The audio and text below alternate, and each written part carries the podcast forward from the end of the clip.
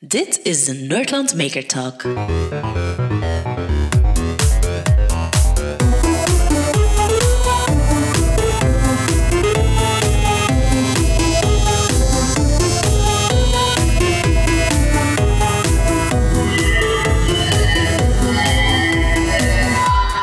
Dag Maarten. Dag Kurt. Voilà, we zijn hier eh, op Fright Camp. En ehm, we zijn hier heel DIY iets in elkaar geknutseld, want de stroom is net uitgevallen. Ja. Dus we zijn eigenlijk op batterij aan het werken. Eigenlijk niet alleen op batterij, maar iemand, een van de gasten die subiet gaat komen, die heeft zijn auto opgeofferd. En eigenlijk hebben we een dieselgenerator nu aan het gebruiken om stroom te hebben voor deze opname mogelijk te maken. Want wat is Fright Camp? Dat gaan we Sibbes eigenlijk eh, eh, te weten komen. En daar hebben wij gewoon onze eerste gast. Dat is nu de, de hoofdorganisator. Eigenlijk is dat degene die eh, dat, dat we binden ongeregeld, eh, dat hier een gigantische organisatie doet. Een beetje moet, eh, moet op, op proberen ja, iets te stroomlijnen. Luc, ehm, welkom. Goedemorgen. Goedemorgen. Ja, voilà. Ja, dat is was, laat gisteren. Was het laat gisteren of? Het eh, was redelijk laat gisteren. Maar dus, je zet echt zo de, het hoofd van Fright Camp eigenlijk dit jaar. Sinds eh, vorige kamp eh, heb ik die rol een beetje op mij genomen om inderdaad die binde ongeregeld, wat het eh Orga-team is, een, een geweldige binde ongeregeld, maar eh, om die een beetje te proberen in goede banen te leiden ehm, en daar terug een nieuwe editie van, eh, van Ja, want wat is er eigenlijk een definitie te plakken op wat dat Fright Camp is? Want het Goh, is dat is heel moeilijk om uit te leggen, moeilijk. denk ik. Hè? We, we komen uit, eh, uit de geschiedenis van de, de grote internationale hackerkampen, ehm, die, eh, die telkens op de, eh, even, de oneven jaren eh, plaatsvinden. Je hebt CCC in, eh, in Duitsland, je hebt eh, MCH nu in eh, Nederland. En dat jaar daartussen was er eigenlijk nooit iets. En dan zijn we begonnen met, met een aantal vrienden van, goh, het zou tof zijn eh, die, die jaren toch ook op kamp te gaan. Ehm, dat eerste jaar zijn we dan met een paar vrienden ehm, op kamp beginnen gaan, eh, met onze kinderen erbij. Dat bleken dan uiteindelijk eh, al 128 mensen te zijn dat eerste jaar. Dat is toen al een beetje uit de hand gelopen. Ondertussen zitten we aan eh, 640 eh, deelnemers. Dat zou nu toch genoeg moeten zijn voor iedereen. Ja, anders moeten we een bit gaan bijsteken natuurlijk. Voilà. Ja, en, het toffe is, ziet inderdaad families. Hè, want ook de mensen die hier nu uh, dit bel zijn gekropen met de versterking eh, ook in afgezet wegens de elektriciteitsproblemen. Mannen, vrouwen, kinderen, eh, jong, oud. Eh S'nachts hoorden baby's huilen. eh, alles, en dat, is, schit- en dat is schitterend. hè. Dat is ook gewoon... Dat, dat, dat Tussen de mensen ja. die nog eh, allerlei dingen aan het maken of aan het hacken zijn, hoor je inderdaad hier en daar wel de, de kinderen ook. En is dat typisch Fright of zie je dat ook bij die andere eh, hackerkampen? Goh, ehm, in de andere hackerkampen zijn er meestal ook wel hier en daar wat kinderen aanwezig, maar wij focussen daar toch echt wel op. Van dat gezinsvriendelijke erin te houden. Van echt te gaan, we gaan met de vrienden en met de families daarvan eh, op kamp. En zo proberen we ook de, de, alle generaties, van, van, van de baby's tot, tot de gepensioneerden, eigenlijk te enthousiasmeren voor alles wat maken, hacking, eh, wetenschap, technologie en Ja. alles wat er vaag bij hangt. eh, Maar het is echt het doen. Hè. Het is echt zo niet. Het zijn geen, het zijn, er zijn wel lezingen, maar de merendeel zijn wel dingen. Eigenlijk beeld u in: je hebt een bos, je hebt tentjes, je hebt stroom, normaal gezien. Nu even niet, maar normaal heb je stroom, wifi, goede wifi, veel wifi, veel laptops, veel soldeerbouten. En dan heel veel talks. En wat ik persoonlijk ook heel cool vind aan Fright is dat dat niet een organisatie die dat dan zelf een programma begint samen te stellen, maar dat het eigenlijk bottom-up komt. Dat er heel veel mensen zijn van: hé, hey, daar wil ik over babbelen. klopt. En, en zo Eigenlijk als organisatie proberen wij hier ja, een, een, een infrastructuur neer te zetten die, die dit kamp mogelijk maakt. Maar het kamp wordt gemaakt door de deelnemers. Ja. Ehm, de, de content, de, de, de workshops, de, de lezingen, ehm, wij vragen gewoon wie wil er iets komen doen. Met een beetje dat principe van eigenlijk kan iedereen van iedereen iets leren en kan ook iedereen aan de anderen iets leren. En dan zie je een heel divers programma Ehm, waar dat eigenlijk voor, voor alle jong en oud hackers die hier rondlopen wel iets te vinden is. En kunnen we een paar voorbeelden geven? Of zo, wat vond jij zo heel opvallende of favorieten van in dat programma? Ehm, de, de eerste ochtend eh, ben ik al eh, meteen met mijn eh, oudste de spaghetti-bruggen gaan maken, waar het de bedoeling was van met ehm, spaghetti een brug te maken waar een kilo... Ongekookte spaghetti. ongekookte spaghetti, weliswaar. Eh, wa- waar een kilo suiker aan kon hangen. Ehm, dat is niet bij iedereen gelukt, maar bij de meesten wel. Ehm, en En degene waar, fysica eigenlijk. ja, voilà, waar het niet gelukt is, ja, die hebben er ook iets van geleerd. Dus eigenlijk is dat ook al helemaal prima. En wat ook heel tof is, vind ik, hey, je zegt dat het is een camp voor families, maar het zijn ook gewoon families die de workshops organiseren. Eh, Ja. Gisteren met mijn dochter naar de slam eh, maken workshop, twee meisjes organiseerden dat. Ja. En die zijn daar dan zowel jong en oud aan het onderwijzen hoe dat je slijm moet maken. Klopt. Ook dat is, iedereen kan van iedereen iets leren. Ook die, die uh, zelfs vrij jonge kinderen, die hier ook al zichzelf uiten als zijnde van hey, ik kan dit en, en ik wil dit leren aan anderen. En dat is heel mooi om te zien, natuurlijk. Ja, wat ook heel tof is, is dat iedereen elkaar helpt. Wij hebben hier trouwens momenteel zijn we aan het praten door microfoons die we van Floris Dalemans gekregen van Tech45.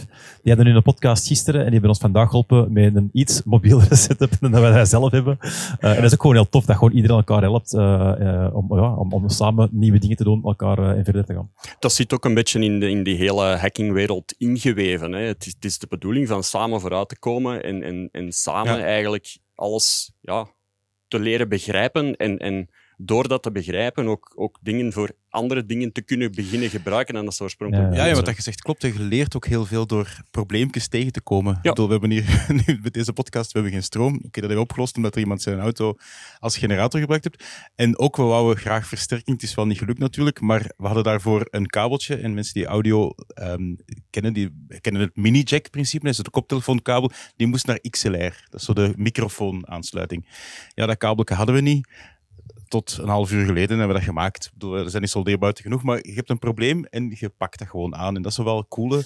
Niet alleen voor je eigen, maar voor anderen ook. Van, ah ja, kan ik helpen? Kan ik iets doen? En zo. De graafste hack dat ik gezien heb, was een hack van de bank. Ja. Een paar dagen geleden wandelden wij terug naar de, naar de, naar de, de main, plein, ja. main tent.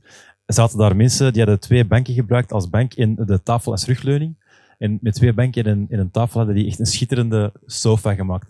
Die zaten zeer relaxed uh, ja, ja. bij het uh, elektronische ja. Alright, en um, zijn er al plannen voor de volgende editie? Het uh, algemene regel bij Fright Camp is, we praten niet over de volgende editie tot deze editie is afgerond. Maar um, ik heb eigenlijk nog bijzonder weinig um, negatieve dingen gehoord. Ik heb heel veel lovende dingen gehoord. Dus het zou mij verbazen als er geen nieuwe editie Misschien zou moeten we even, om de mensen die aan het luisteren zijn, vragen. Moet er een, volgend, binnen twee jaar een nieuwe editie van Fright komen? Ja, zeker. Ja, absoluut.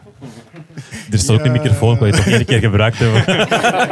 We gaan gewoon op YouTube download Soundclouds. Dus hey, die een man of 20, 15, 20 staat ongeveer. Een man en vrouw, sorry, 15, 20. Er zijn er 600. Ik denk dat die populatie 640, groot genoeg is om dat te extrapoleren. Iedereen zei ja. Dat wil zeggen dat er 640 mensen ja gezegd hebben. Uh, We nemen het mee. De politiek is ook gebruikt, dus dat mogen wij ook Je hangt eraan, jong. Ja. Maar zien wel. Eerst een beetje uitslap, want je ziet er heel veel respect en dank. Je ziet er heel hard, alsof dat je drie dagen echt zo gigantisch ingespannen hebt. En ja, voilà, het resultaat is wel heel cool. Niet alleen jij, maar de rest van het Ja, die hier al een week langer zitten, hè? die hier al een week aan het opbouwen zijn. Wij zijn hier van, van maandag ja. al met een, een, crew van een 30 à 50 uh, mensen ja. om alles uh, klaar te zetten om, om dit mogelijk te maken. En het is absoluut niet alleen ik, uiteraard. Uh, het hele orga-team dat hierachter ja. zit, is een... Ik noem ze een bende ongeregeld, maar het zijn stuk voor stuk echt geweldige mensen die, die elk met hun eigen specialisatie uh, kunnen bijdragen om, om, om zoiets te kunnen neerzetten. Uh, wat ik ook merk is, uh, hey, ze zijn heel herkenbaar aan de, aan de witte, de witte jassen. Ja. Witte labojassen. Dat, het is één welk probleem dat mensen afkomen, die zijn altijd behulpzaam. Je doet nooit zoiets van, hey, stop eens met zagen. Die blijven, hey, of heb ik niet gezien, maar die blijven gewoon altijd, oké, probleem, dat gaan we oplossen. Heel erg dat maker concept van een probleem, dat is altijd een uitdaging, gewoon dat oplossen. Het zijn uitdagingen ja. soms, maar ay, ja. echt grote problemen ben ik nog niet tegengekomen dit weekend. We maar, hebben geen stroom, maar voor de rest... Uh... Ja, oké, okay, maar um, dat is niet echt ons probleem als Fluvius in Oud-Heverlees een ja. uh, hoogspanningscabine uitvalt. kunnen we heel weinig aan doen. Ik, ik, merkte echt wel bij een aantal mensen die zichzelf moesten tegenhouden om niet naar dat kabinetje te rijden en het zelf op te lossen. Ik, ik denk dat dat sneller zou gegaan zijn. zeg, uh, genoeg over Fright Camp. Doe jij, heb jij zelf nog tijd om, uh, om, om wat leuke dingen te doen? Want jij bent vroeger heel hard bezig met, met, met Urania. Klopt. Nog steeds? Of? Daar ben ik nog steeds bestuurder, maar dat is eigenlijk ook het enige waar dat ik nog een beetje Wat is probeer Urania? bij te dragen. Wat is Urania? Voor Urania is de kennen? volkssterrenwacht in, in Antwerpen. Dus um, daar is onze missie eigenlijk om een beetje de, de, de sterrenkunde en alles wat daar uh, rondhangt, om die uit te dragen naar de brede bevolking. En daar iedereen uh, ook voor te enthousiasmeren. Hè. Een paar hovenaars hier rond ons, die worden nu quasi ineens in Hoven, niet in Antwerpen. Het blijft de volkssterrenwacht van de provincie Antwerpen. Dat is waar, de provincie Antwerpen, voilà. En ben je zelf af en toe nog met een soldeerbed of met anders bezig of zo? Of, eh? Ja, dat gebeurt wel regelmatig. Ehm, alleen is het zo dat de laatste tijd uh, Fightcamp zodanig veel uh, Ja. tijd van mijn tijd heeft Dat genomen dat eh, er heel veel onafgewerkte projectjes liggen. Maar ik denk dat dat niet, niet alleen bij mij is. Goed. Alright. Alvast heel hard bedankt. En niet alleen van ons, maar ik denk van iedereen die hier gewoon drie dagen in de zon gesoldeerd, gelopen, ge elkaar afgeschoten met laserblastertjes en heel veel genoten heeft. Gewoon heel veel dank. Met veel, heel veel plezier.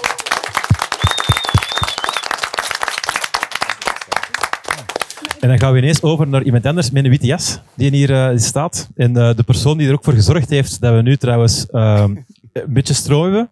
Erik van Lierde, dank Bedankt. Oké, dat was het niet. Goed. En de volgende. Eh, Nee, nee, graag gedaan. Een, Ja. een van, een van de redenen, eh, want uiteraard, we hadden hier 100 mensen kunnen vragen. Eh een van de redenen dat we jou gevraagd hebben, is eh, omdat jij onder andere eh, een heel leuk eh, 1D eh, spel mee terug hebt gerevived. Kun je dat eens heel even kort duiden? Ja, inderdaad. We hadden hier eergisteravond de Line Wobbler op het terrein staan. Ja. De Line Wobbler is eigenlijk eerder een kunstwerk van de Berlijnse kunstenaar Robin Baumgartner. Dat is een conceptueel technologisch kunstenaar die ook spelletjes ontwerpt.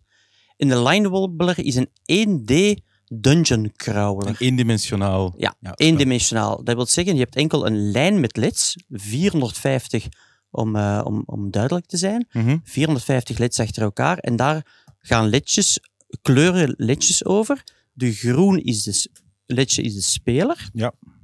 En de vijanden zijn rode ledjes, maar er kan ook lava opduiken. Je kunt een waterval over u krijgen. Maar je moet je voorstellen dat er enkel één lijn ledjes is. Dus, dus een spel voor de mensen, ah, voor de kinderen, of de- iedereen die dat zo gegamed heeft, een spel van, vier, van een resolutie van 450 pixels, maar in één dimensie. Dus één lijn van 450 pixels. En je kunt eigenlijk als speler alleen maar vooruit en Ja. achteruit. En je hebt een controller die gemaakt is van een, een deurstop. Dus dat is eigenlijk een, een, een, een ressort, een, Een veer. een veer, ja. En daar zit van boven een accelerometer in. En die kan detecteren dat je hem vooruit, achteruit beweegt voor de beweging.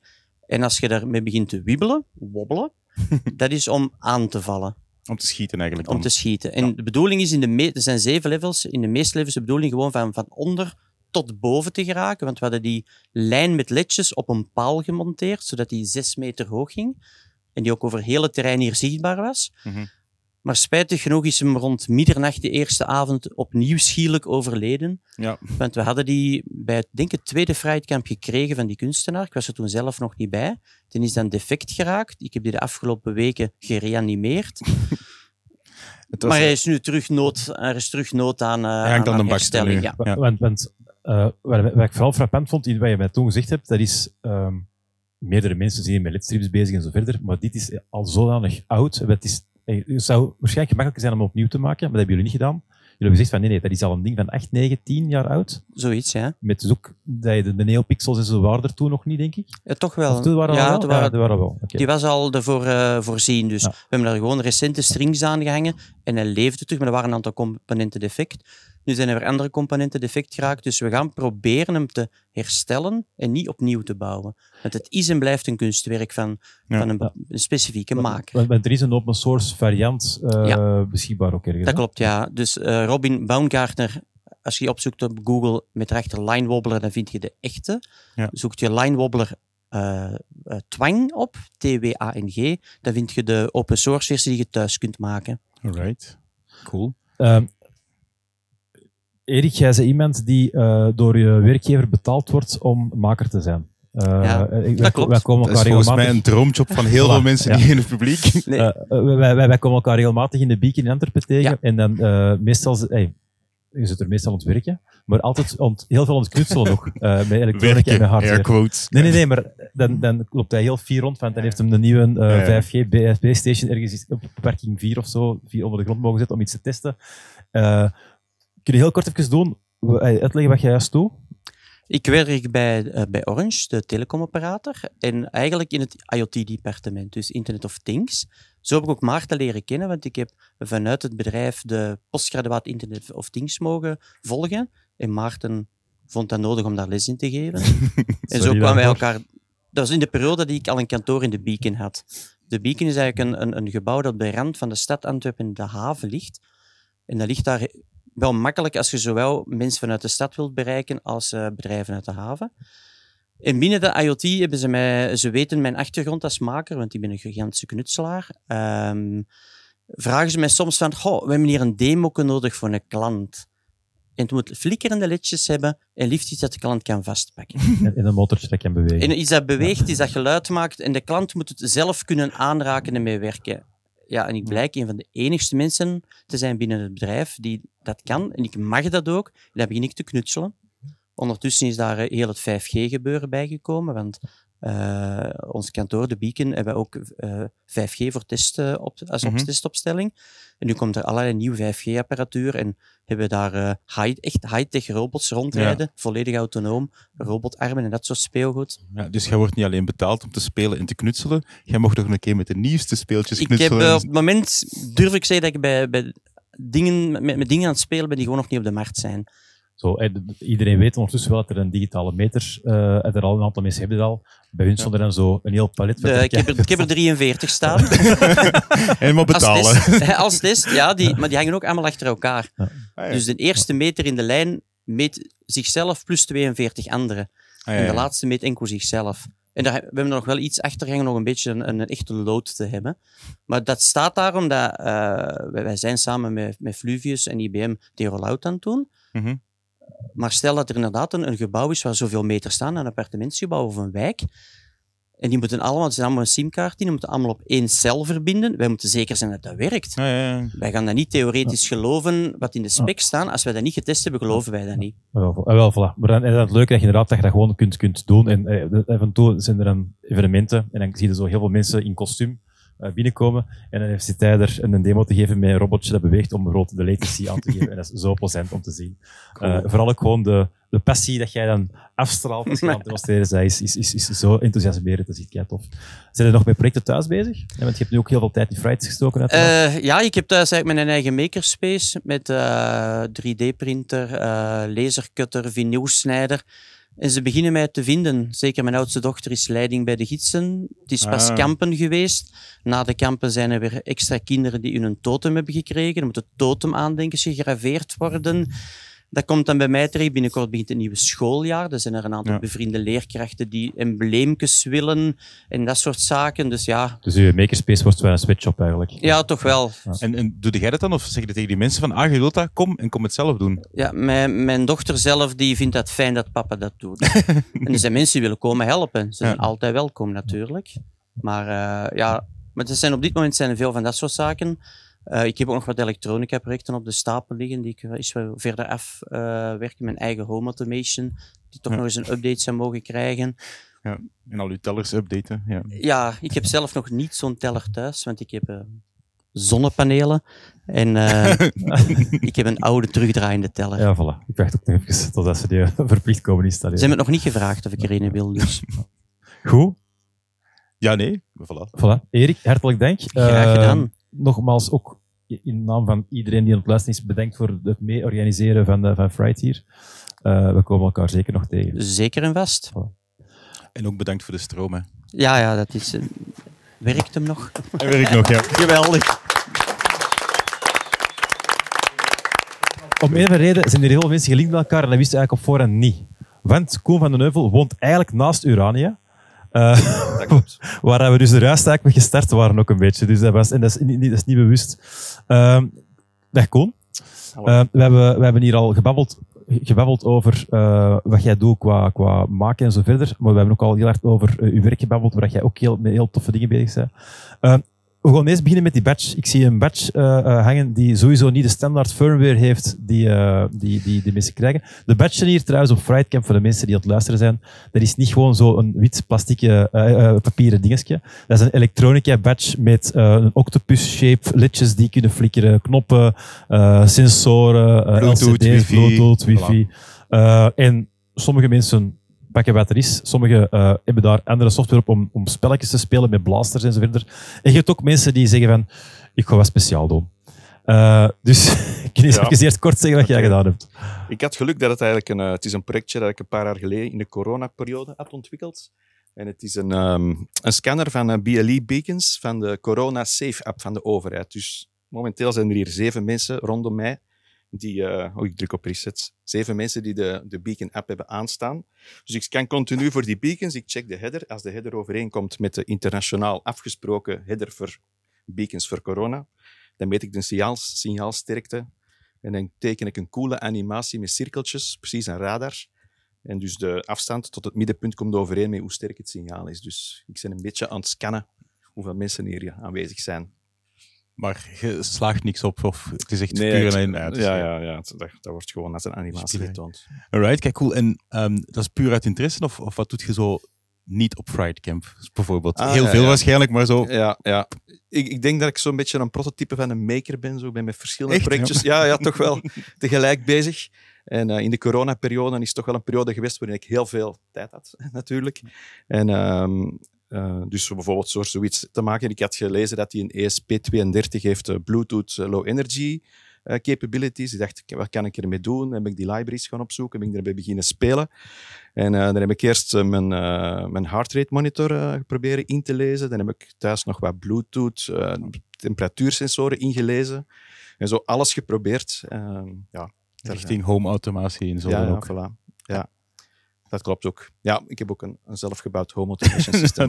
Natuurlijk. Je, hebt- je hebt eh, hier ook een workshop rond, eh, rond lampen, hè? lampen die 3D-printen eh gegeven. Lampen 3D-printen, ja, inderdaad. Dus op die workshop heb ik uitgelegd hoe je relatief eenvoudig met Fusion 360 een lamp kan ontwerpen en dan printen op een 3D-printer. Ehm, Het is dan de lampenkap, want het is niet verlichting nee, nee, dat klopt. ja. Het zijn lampenkappen. En zo heb ik er ook verschillende ontwikkeld, ook eh, met geometrische figuren, zo met octocaeders enzovoort. Bijvoorbeeld een lamp waar ik al twee, drie jaar aan bezig is, ben, is proberen een bol te maken met op die bol een gelijke verdeling van LED-punten. Dat is echt heel complex. Eh, daar heeft, ja, ik ben er twee jaar mee bezig. En ondertussen heb ik een bol met 400 LED's gebouwd. En eh, dat is bijna goed verdeeld. Ehm, ja, dat, dat kost echt heel veel tijd, want dat zijn in 40 stukken geprint. Ja. Dat is een week printen om ineen te vijzen. En dan om die coördinaten te berekenen van al die leds, eh, heeft mijn zoon mij geholpen met software te schrijven voor al die coördinaten. En nu wil ik nog een eh, mapping maken, dat ik bijvoorbeeld er een afbeelding kan op laten ronddraaien, eh, voor een, een wereldkaart Echt een bijvoorbeeld. scherm in bolvorm Ja, dan. Ja. zoiets. Maar zover ben ik nog niet. En dan, wat ik dan ook leuk vind, is om, om elk jaar eh, in de winterperiode, hè, rond kerstmis, eh, dan hang ik die een bal aan mijn voordeur. En ook, ik heb ook een heel grote ster met leds, die hangt voor mijn huis. En dan staat een plaatje bij en de mensen kunnen inloggen op een site, Makerspace, en Makerspace met twee K's. Eh, en dan kunnen de mensen die, die ster en die een bol bedienen. ja, cool. Dus zo'n dingen. Zo, als je dan in Hoven, eh, in de buurt van Urania rondrijdt met kerstmis, dan kun je dus ook weten waar dat, Ja. waar dat Koen, Koen woont. Ja, hey, als je eh trouwens op je Instagram wil zoeken, eh, moet je wel zien dat je de juiste Koen van de Neuvel pakt. Je moet diegene pakken zonder haar. Eh, de is de politieker. Correct. Ehm eh, daar zie je heel veel van, van die lampen die jij gemaakt hebt. Wat je er ook in zag, is dat je volgens mij een beetje fanatiek met Flight Simulator bezig bent. Dat klopt ook. Ja, in die coronaperiode, dat was echt toch een, een periode waarin ik heel veel met nieuwe dingen ben begonnen. En een van de dingen die ik vroeger al graag deed, ik zal zeggen 30, 35 jaar geleden, was met de eerste Flight Simulator spelen op, eh dat was dan een computer- op PC 386 computer Ja. of zo. Maar nu, de nieuwste Flight Simulator van Microsoft, hè, FS 20, 2020, is echt, eh, wat is het, mind-blowing. Ik vind het ongelooflijk als je dat ziet, Qua hoe mooi dat, dan? werkt. Van realisme. Ja. En het is ook de, de echte wereld, zal ik zeggen, waarin je vliegt. Eh, dus je kan over je huis vliegen enzovoort. Ik heb eh, bijvoorbeeld ik heb een vriend in Australië en ik heb met een vliegtuig gevlogen, in zijn tuin geland. en dan heb ik hem gebeld. Ik zeg, ik sta in uw tuin. En dan is hij ook op zijn flight simulator gegaan. En die ziet mij dus gewoon staan in zijn tuin. Hè? Want dat is gekoppeld over heel de wereld. Iedereen cool. vliegt tegelijk. Je ziet elkaar vliegen. Eh, ik heb ook al met hem samengevlogen. Dan spreek, en een, een, een uur afgesproken dat dat samen kan. Ja, En dan zijn we van heb- eiland hoppen met vliegtuig. Ja, ik heb nu echt beelden van nonkels in mijn hoofd van de fictieserie van Jelle de Wille. Ja. Maar, Ja, ja, ja, maar ik, ja, ja. ja, het is dus juist. Ik heb dat daar gezien. Dat was ook Ja. zo. maar heb je ook zo, ik vermoed dat je dat dan helemaal hebt uitgebouwd, want het, het toffe natuurlijk is dat je je eigen cockpit dan bouwt. Ja, of, of- Ik was eerst aan het denken om zo een cockpit te bouwen. Maar dan dacht ik, ik heb hier nog een oude VR-headset liggen, een zo'n Ah, Oculus cool. Go. En mits wat eh trucjes heb ik dat erop kunnen aankoppelen. En qua controllers, hoe heb je dat dan gedaan? Zo, dat is wel een, echt een, een joke zo, die ik gekocht heb tweedehands eh, Ja. voor 50 euro van iemand. Maar ik vlieg nu in VR en eigenlijk de cockpit die je dan ziet is is ongelooflijk. Je ziet alle knopjes en dan kan je met je, met je VR-controller alle knopjes bedienen.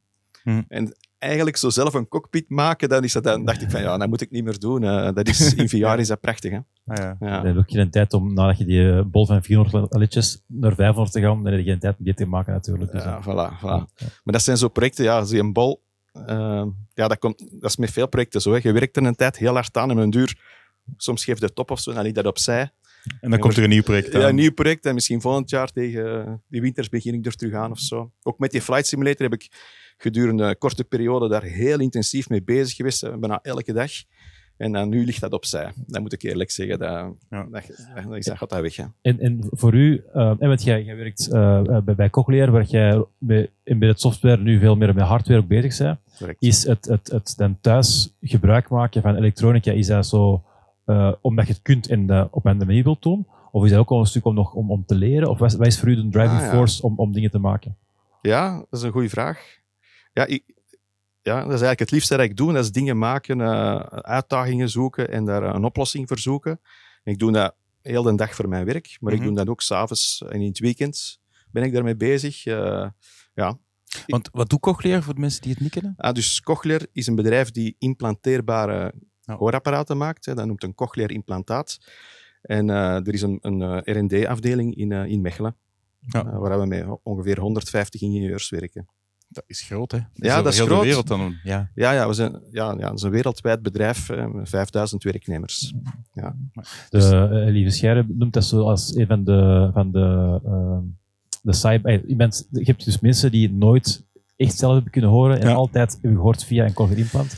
Dat zijn dus mensen die altijd Cyber. met een elektronica in zich Ja. hebben, eh hebben- leren functioneren. We Dus hebben zo bij Team Scheire in het eerste seizoen hebben we zo iemand gehad, hè? Jaro, die had een cochlear implantaat. Ja. En vooral wat dat mindblowing was op een bepaald moment, is dat eh, die heeft een Bluetooth-aansluiting. Dus die kan zijn cochlear implantaat, eh, dus dat gaat eigenlijk rechtstreeks naar de, naar de zenuwen. Dus eigenlijk, er is geen enkel fysiek, geen hamer, geen aanbeeld, niks wat dat fysiek geluid overzet. Dus dat is, die hoort zonder dat er een fysieke luchtverplaatsing is Ja. gaan. Want vanuit de computer of vanuit de PlayStation of whatever, Bluetooth naar zijn oor en dan gewoon rechtstreeks elektrode-impulsen in zijn hersenen. Ja, zo is En het. ja. Flyers noemt dat inderdaad een cyborg. Eigenlijk de, meest ja, gebruikte implantaat misschien, dat Ik denk momenteel er het is. wel, hè. Ja, ja dat is Ja. En zijn jullie nog, ja, misschien mocht je niet vertellen, maar zijn jullie zo op andere dingen ook aan het gaan? Want ja, zijn richting biomedische ogen bijvoorbeeld, zijn er zo af en toe Ah, dat er ja. artikels opduiken? Of, of zeg je van, ja, dat is eigenlijk science fiction, bedrijf, dat gaat niet wij- zo realistisch worden Ah, of zo? Er zijn verschillende eh, bedrijven bezig met eh, proberen een, een oogimplantaat te maken. Nu, wij zelf als bedrijf niet, maar er zijn er verschillende mee bezig. Want wat is dan zo de innovatie dat jullie daar op die cochleaire implantaten dan doen? Nu, ja, implantaten eigenlijk de, de, holy grail, of waar, waar veel mensen van dromen, is om het cochleaire implantaat volledig implanteerbaar te maken. Hè. Ah ja, dat er geen kwetsbare toppen ja, meer op je... geen ja. extern gedeelte, hè, zoals een pacemaker bijvoorbeeld, of een, eh, een, IPG, hè, dus een, een brainstimulator, is altijd met een geïmplanteerde batterij. Ja. En dus niet alleen Cochlear, maar ook onze concurrenten, zal ik zeggen, die werken daar allemaal aan, aan om zo'n product proberen te maken. En wat moet je ervoor doen? Dan moet je de batterij implanteren natuurlijk, maar Mhm. je moet ook de microfoon implanteren, want je wilt Ja. de microfoon, hè, je wilt je oor gebruiken. En dat is iets waar we al eh, jaren aan werken en waar ik zelf heel nauw bij betrokken ben. Dus jij Maar ik kan er niet zoveel over Nee, dat zeggen. snap ik, dat snap ik, maar het komt er misschien Maar- wel ooit aan. Ja, maar- komt er ooit aan. Voor de mensen die aan het luisteren zijn, heel belangrijk bij Frightcamp is ook de avonden. En als alles al het feit gedaan zijn, in de bar nog een beetje praten met mensen. En daar kunnen dus soms van mensen wel wat meer informatie krijgen over wat allemaal kennen. Ja, ja. Dus eh, dat is ook een aanrader om vooral ook dat, dat, dat late night stukje, om daar met de mensen te praten. En vooral, ik heb heel veel bijgeleerd te- mee- door met verschillende mensen te babbelen, gisteren bijvoorbeeld, of de dag ervoor. Eh, dat is ook een heel belangrijk, vind ik, bij het Fright Camp vooral. Het is niet enkel die workshops, ook, maar gewoon de mensen die je leert kennen, Het eh, netwerk. hè. aanspreken. Dankjewel, Koen. Ja, Eh, nog veel succes met uw, uw lid. Dus veel solderen, veel geduld hebben ook. Eh, veel frustraties soms ook, denk ik. Eh, zoals bij heel veel makerprojecten, dat gewoon iedereen hier rondom ons ook wel eh, beamen, denk ik. Dat, dat gewoon nooit vanzelf. Eh, dus succes nog. Dank u wel. Zeg. Voor we naar onze, onze volgende gast staan, eh, die, gaat, die nu eh, achter u staat trouwens. Ja. Eh, ehm, jij, jij hebt zelf ook een aantal workshops al gevolgd vandaag. Eh, of, vandaag de, de, voorbije dagen. ja. voorbije dagen. Wat heb je allemaal gedaan? Ik heb gisteren eigenlijk de hele tijd in zo de hardware hacking gezeten. Ehm, gewoon dingen bouwen, dat is. En er was één projectje, ehm, was een robotje op afstandsbediening maken, dat over wifi communiceerde. Ehm, en ja, dat is gewoon zeer klein of zo, en, en, maar de, de manier bijvoorbeeld zeker de controller ontworpen was in lasercuts en zo heel mooi met een batterijhouder die er schoon af kon schuiven en erop klikte met een veertje als, dat was eigenlijk gewoon, ja, ik word daar soms een beetje warm van, van gewoon te kijken hoe schoon dat iets gedesigned kan zijn. Het was heel klein en soms een beetje frustratie om het in elkaar te steken, maar het is wel gelukt uiteindelijk. En uh, ik ben de naam kwijt van de persoon die het deed, maar uh, kijk cool dat was een beetje de reden van mijn vraag, omdat jij zelf iemand die met elektronica bezig is, die 3D-print, die kan lasercutten, die eigenlijk heel veel technieken uh, in de hand hebt, en toch kom jij heel regelmatig, kom je, kijk Maarten, wat, dan kom jij zo super vol passie van, zie, hoe cool dat die dat gemaakt hebben en zo verder. Jij kunt ook nog zo vol lof zijn. Absoluut, maar dat, dat, is, er zijn heel veel, bedoel, ik werk ook voor tv, en wat dat je soms krijgt als opmerking is van, kun jij nog naar tv kijken zonder de hele tijd beroepsmisvorming daar naar te zien? Um, dat is een fase, maar ik denk dat, dat je daarover kunt en dat je dan terug weer in een soort extra um, genieten van schoonheid kunt zitten. Ja, dat is net zoals bijvoorbeeld iemand die daar niks van vogels kent, die wandelt door een bos, die nooit keiveel vogels denkt van wauw. Dan heb je een fase dat je daarvan begint te denken en denkt van ah ja, dat is die vogel, dat is die vogel, dat is die vogel. En de volgende fase is van hé, hey, maar die vogel, die heb ik nog niet gehoord. Dat is wel heel raar dat die hier zit op dat niveau. Dus je hebt zo dat derde level van dat je terug schoonheid, ja. en dat is bij tv ook, je kunt, je kan bijzonder schoon genieten van, ja, gepassioneerd worden door een verhaal of door een serie op zich, maar ook nog een keer van maar dat is technisch, die camerabeweging daar, dat is echt wel heel cool gedaan. En ik denk dat, dat bij maken dat dat net hetzelfde is. Je zei de perfecte intro om te uh, doen, zodat je het beseft van onze volgende gast. Okay. Want Erik Leenaert staat hier ondertussen bij ons. Pak maar gerust de microfoon, dicht bij uw uh, mond houden. Hey. Je gaat nooit op dezelfde manier naar koffie kijken ja, voilà, nadat je met hem gepraat hebt. Dat is net hetzelfde. Je hebt koffie. Iedereen ja. heeft al, heel veel mensen hebben eens koffie in hun leven gedronken. maar als je dan kijkt wat er allemaal bij komt om een goede koffie te zetten en wat er allemaal, en hoe uh, fanatiek dat je daarin kunt gaan, dan gaan we nu even te weten komen. Alright. Hallo. Erik, hallo. welkom. Hey, dankjewel. Uh, uh, ik heb al veel bij u gestaan. Ik, ik, ik, ik, ik uh, lust wel graag koffie en ben er ook wel graag mee bezig om dat te gaan doen. jij, zei, jij, jij zei software-architect in het, in het normale leven? Ja, ja enterprise-architect. Oké, okay, dus, ja.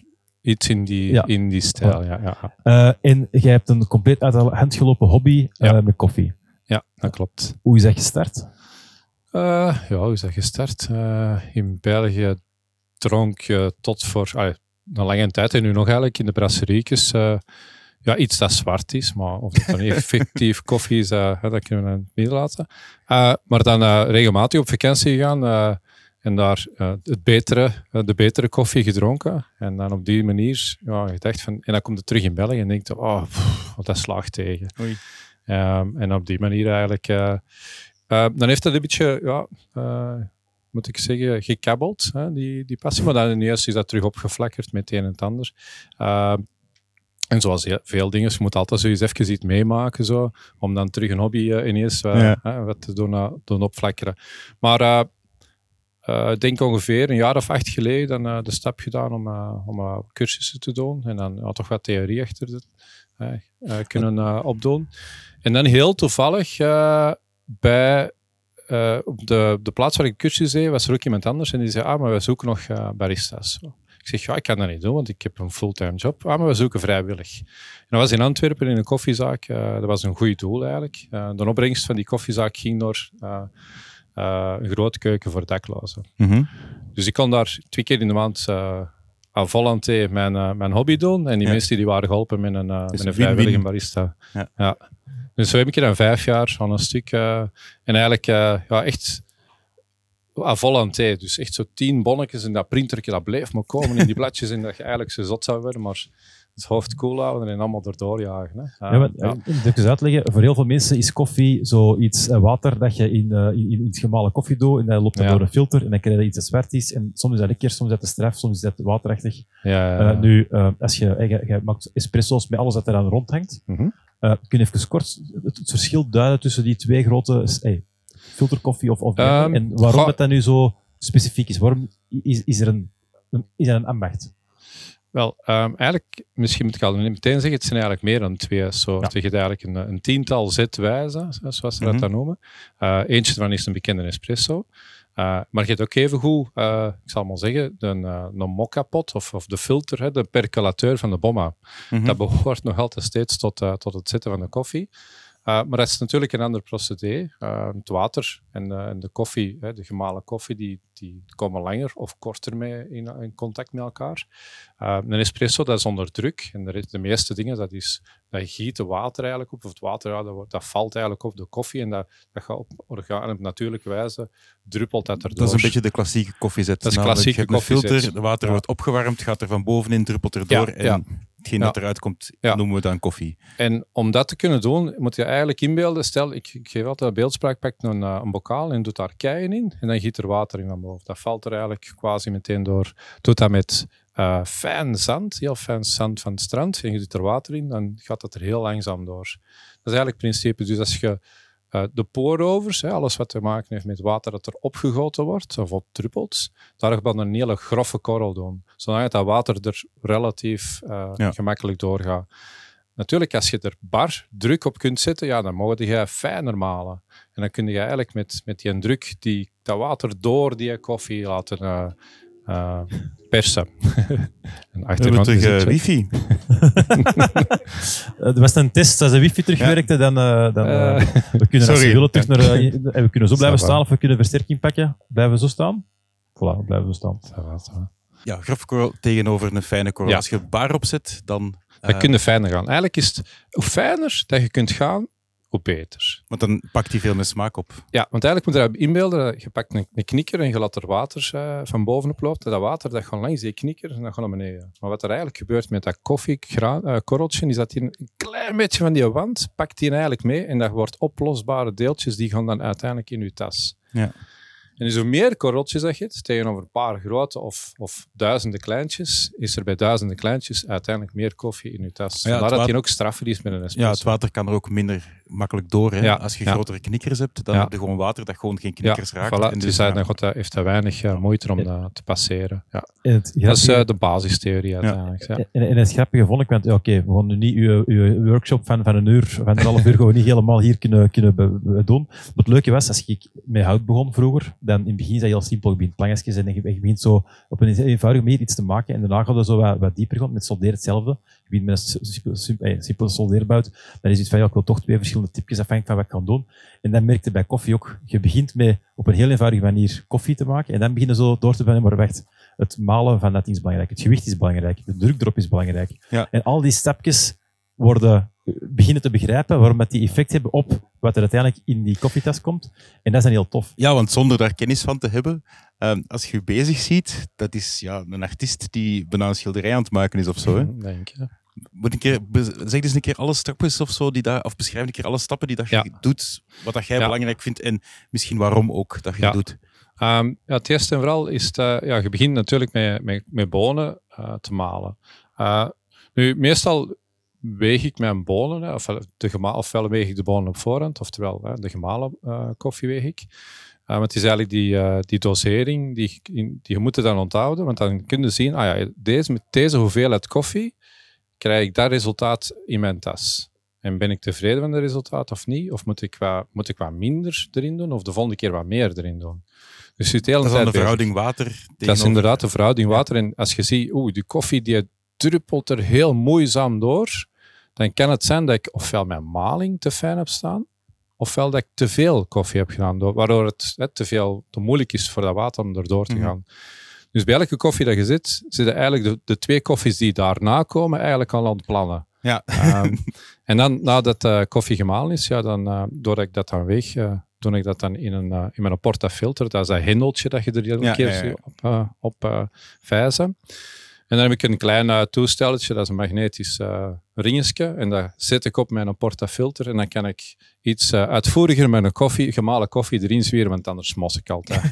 maar dan begin ik vervolgens met een, met een klein, een klein oh, dat is, geen, dat is low-tech, dat is gewoon Ja. een, een, bij wijze Een van spreken, een kurkentop met vijf naaldjes aan. Ja. En dan begin ik daar uitvoerig in te in te roeren. Dat lijkt alsof ik aan het roeren ben. Dat is bijvoorbeeld een handeling die je bij heel weinig mensen ziet. hè? Ja, dat was echt Ja. iets nieuws dat ik nog Ja. niet gezien En waarom is dat juist die? Ehm, wel, die, dat, dat willekeurig roeren, dat, dat heeft ook een naam. Dat is eh, WDT, Wise Distribution Techniek noemen ze dat. Het is maar, eh, ja, we zitten in een camp voor nerds, dus dat mag wel. Ehm, dus in die, die WDT, dat is eigenlijk eh, de bedoeling, het, het einddoel is dat, eh, dat je, dat je de, de klonters weghaalt. Ja. En dat je, want waarom doe je? Het doel ervan is Homogeen. channeling te voorkomen. En wat is channeling? Wel, als je nu, stel, ik maal 18 gram bonen, ik step dat erin, en dan ineens vindt dat water, eh, dat water dat komt er onder druk op een bepaald moment door, en dat vindt een kanaaltje om te zeggen, oeh, en wat doet een water? Dat gaat allemaal langs dat kanaal. En neemt geen Dus koffiesmaak mee. een, een stuk van die, van, van die gemalen koffie wordt overgebruikt en een ander stuk wordt onder of zelfs niet gebruikt. Ja. En dan dus, ja, dan zit het daar te wegen en dan ja, wordt het een helft niet gebruikt. Daarmee gaat er uit uw puck preparation, hè, want dat zwart ding dat je er zo uitkropt, dat ziet eruit als een hockeypuck. Ah, ja, ja, puck. ja. Daarmee noemen ze dat een puck. Dus de puck preparation, die wil je dan zo goed mogelijk doen. Dus alles zo consistent mogelijk en dat er geen enkele vorm van een channeling kan ontstaan. En dan, en dan de volgende stap, dat is zo, degene wat ik zo bij iemand anders totaal discussie over heb, is het aanstampen. Ja. En daar zitten ook heel veel verschillende Ja, technieken in. mythes. Ja, heel veel Ja, mythes. ze Ja, zeggen van, je mag Ja. dat niet aanstampen, Nee. je moet dat wel, je moet dat keihard aanstampen. Nee. Nee, er, eh, ze hebben inderdaad lange tijd gedacht dat je een bepaalde eh, druk moest doen. Uh, Mhm. En dan hebben ze ook eh, ontdekt dat, eh dat baristas die dat als fulltime job doen, dat die op den duur zo tennisellebogen kregen, want ze te veel te drukken. Ja. Eh, en er zijn er ondertussen toestellen die gewoon, je zet dat eronder, een puck press noemt dat dan, en dat doet dat voor u.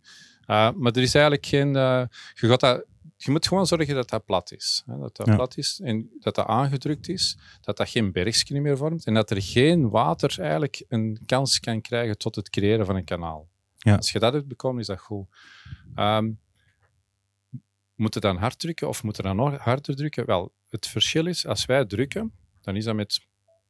Als je al echt hard drukt, één bar, als je dat zou vergelijken, Dat kan, ja. en dan daarna gaat dat machine met water 9 bar erop doen. Dus eigenlijk is dat irrelevant wat wij doen. Ja. Ja, op dat vlak is dat niet zo belangrijk. Gewoon zorgen dat dat goed plat is en dat er geen gaatjes en, Ja. en, en scheurtjes Ja. ontstaan. En, en, en dat zijn alle handelingen die je thuis ook nog min of meer kunt doen. Maar dan, Ja. hè, wat ik, dan ik heb thuis een vrij eenvoudig eh, syst- eh, met een, een goedkopere maler en zo verder. En dan steek je het terug onder en dan zeg ik tegen dat machientje, zolang, ik heb het er dan wel afgesteld, dat ik weet van hoe lang dat die koffie er moet doorlopen. Zijn machine, en dat is dan het nerdisme dat ook een beetje naar boven komt, eh, geeft alle informatie van druk, hoeveel water juist, hoeveel tegendruk, eh, temperatuur, alles, alles, alles. En dan zie je, zie je, zie je, zie je op dat Met grafiekjes en al, hè. Nee, deze is gewoon een goede koffie, die ga ik jullie geven. En dan pas, en dan, ja, nu is, nu is dat perfect. En dan pas krijg je de koffie. Dat is dan Ja. ook het toffe.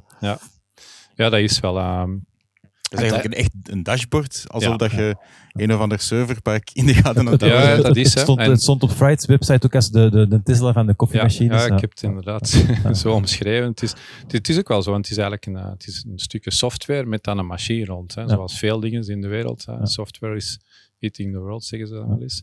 Maar eh, het goede is dat je dan ook kunt programmeren. Dus, eh, en ik heb daar een aantal recepten in zitten die dan zichzelf aanpassen.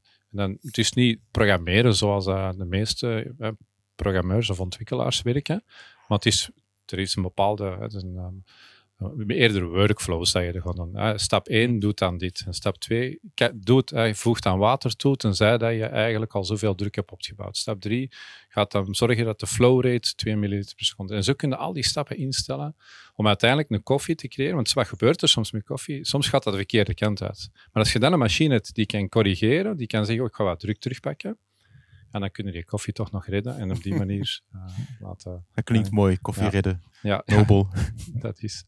Ja, en dan uiteraard, er nog afhankelijk van een koffie die gekozen is, gaan er dan nog melk opschuiven en zo verder. En ook dat is een machine iets speciaal. Dat is niet geen dat ik aan dat pijpje zo doe, dat is iets speciaal. Ook daar is het iets veel beter Ja, natuurlijk. ja ehm, voor, voor stomen, want die machine is nu, dat is ook een beetje een platform dat zich telkens update. En Eigenlijk zoals een Tesla zou ik maar zeggen, dat kreeg een constant updates, of zoals een iPhone of weet ik wat.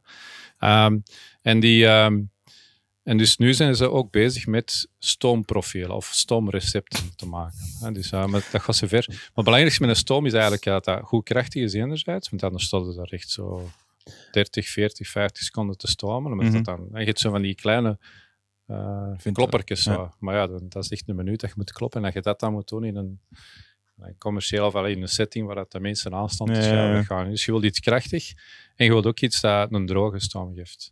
Want ja, je zit er dan echt alles piekfijn in Ja, orde te doen. En je dan ineens water de stoom en je doet daar water bij. Ja. En dat gaat dan in die melk, ja, die begint dan zo te shiften. Want van stomen heb je eigenlijk twee stukjes. Je hebt eigenlijk het creëren van een bierkraag, zal ik, noem ik dat. Mhm. En dan wilde die, hem- hè, dat door lucht te happen, dan hoorde dat zo, kst, zo dat sissen zo. Iedereen het. Ja, ja. Soms hoorde dat zo heel hard en dan, weet ik, dan hoor ik al in een, in een brasserie van oei, dat zijn hier zeebellen dat ze Ja. maken zijn. Ehm, maar dan eh, in van, die kleine, eh, van die kleine belletjes met lucht, die gaan dan mengen met het vloeibare stuk dat eronder zit. En tegelijkertijd maakt dat warm. En het effect is dat die kleine belletjes nog kleiner worden en dat dat één stroperig, eigenlijk bijna verfachtige textuur Ja. is. En als je die hebt, dan heb je het goede grief om te tekenen. Ja. Ja, ja, dan kunnen ze de dan figuurtjes erop dan maken. kunnen we ja, beginnen ja. tekenen. Dat lukt niet altijd, maar... Jij was een zwaan aan het maken of zoiets. Ja. Dat was inderdaad, eh, daar ging ik de laatste tijd mee bezig. Maar ik, ik heb al een eh, collectie van foto's. eh, ehm, Van ik lelijke dacht- eentjes dan. Ja, van lelijke eentjes. Ik dacht, ik ga zo een, zo een, ik weet dat niet, een gif maken met al die foto's er heel Ja, snel door. En van, van lelijk tot iets Ja. dat dan uiteindelijk lukt. Maar dat zijn er ondertussen al honderd. Dus, dat is veel oefenen, hè, zoals alles. Kun, kun jij nog, ik wou zeggen, gewoon of andere koffie drinken? Of, of Ehm, heb jij dan zoiets van, of bijvoorbeeld, je stond daar ehm, hier in de tent en links van u stonden twee percolators. ja. En heb je dan zoiets van, nee, niet doen, mensen? Wel, ik was eigenlijk naar uw, eh, naar uw intro aan het luisteren. Ik dacht van die derde fase met die vogels. En dan heb je daar met koffie ook. Ik zin daar nog niet. Ja. ik weet niet of ik daar ga geraken of dat ik terug de percolator koffie ga drinken. Ehm, maar het- uiteindelijk, dat is op zich niet super slecht. Hè? Eh, Dat is zeker niet. eh, maar je hebt natuurlijk een voorkeur. Maar wat je wel gaat doen, is inderdaad, dat zie je wel meer, dat veel baristas die espresso doen, dat die daarna terug naar pour-overs gaan, terug naar een, eh, een bodem of een Ja. French press of zo. Of een, eh, zo echt de filter, het filterzakje. En die gaan dan experimenteren met meer eh, ja, exotischere koffiebonen. Ja. Eh, maar dat gebeurt wel. Ja. Wel, maar dat is inderdaad dat is een techniek veranderen. Maar vergelijkbare vraag. Als je op café gaat, durf je aan een koffie bestellen of niet? De- nadat ik het machine gezien heb. Oké. Dus ik zie altijd eerst het machine en eh, hoe dat ze dat behandelen. En het ziet er niet altijd even proper uit. Eh, en dan doe ik het niet. Nee. Ja. Nee, als het melkpijpje niet helemaal aangekoekt is en als je zo gewoon tok-tok hoort, allee, je, je ziet dat veel, hè, je hoort die een tok, van, dat ze die puk eruit kloppen. Ik heb ook laten zien aan een aantal mensen, dat is, daar zit nog echt heel veel eh, koffieresidu in. Mhm. En dat wordt dan de volgende en dat wordt terug opgewarmd, de volgende wordt terug op, en dan duurde dan een verbrande boel. Dat ik vergelijk dat met een frietje dat, dat, dat, dat vijf keer in het frietvet blijft zitten. Ja, Nou, ja, tuurlijk. dat is eigenlijk niet goed meer. Hè. Dus afhankelijk van dat, eh, als ik zie dat ze, goed, als ze dat goed variëren, dan doe ik dat wel. Ja. Want er is, er is inderdaad vanaf dat je. Dus ondertussen zijn ze al een stukje van het terrein aan het afbreken, denk ik. Ehm, de, vanaf dat je in een bepaalde techniek of met iets meer en meer bezig bent, gaat het ook, ja, gaat, gaat je zelf ook andere eisen beginnen stellen. Ja, Ik, ik, hey, door met bier bezig zijn, ga ik ook anders bier drinken. Ik drink geen bier meer, maar ik proef vooral bier. Ja. Toch de, de eerste twee. Ehm, maar dat zal met koffie ook zijn, dat is met elektronica ook zo, dat is met al die dingen natuurlijk. Hè. Ehm, maar, goed. Right, kijk hoe. Heel erg eh, bedankt. Graag gedaan. En ehm, ja, voilà. Het is een Ehm, kunstvorm en het is gewoon schoon om naar te kijken. Ja. En het is lekker om te drinken ook. Ja. Dus eh, alles goed. Wat was een, wat was een Instagram-naam om u... eh, Ah, ja, het is, ja, ik eh, merk eh, dat is kaatsels en koffie. Alright, voilà. En dan kunnen Ja. daar kunnen dus de, de, de verscheidenheid in... eh Lelijke eentjes en zwanen. eentjes Ah, dat, gaat nog wel, dat moet ik er nog eh, op zetten. Nog, ik zit nog aan het Ja, oefenen tot het, eh, het mooie eentje. Voilà, goed. Dankjewel, Erik. Merci. Graag gedaan.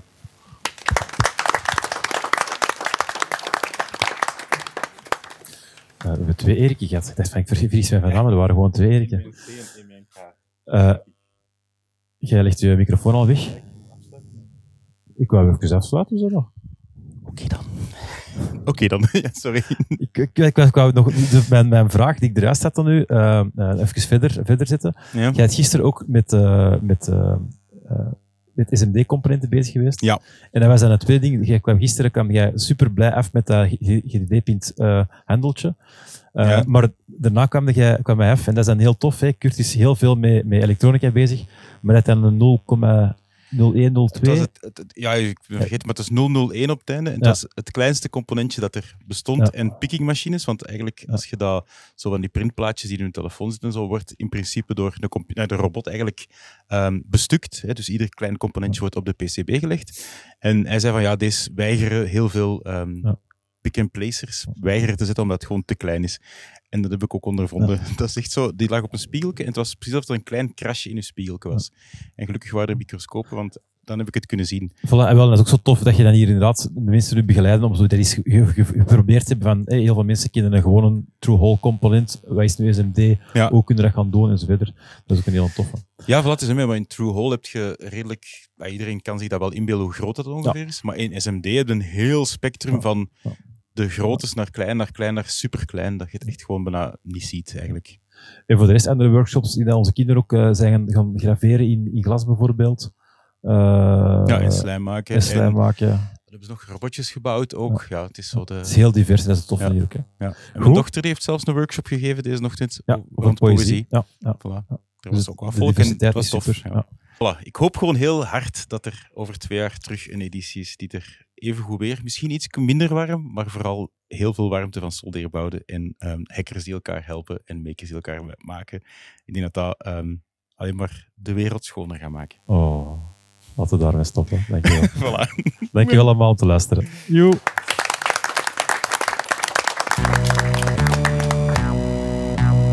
Dit was de Nerdland Maker Talk.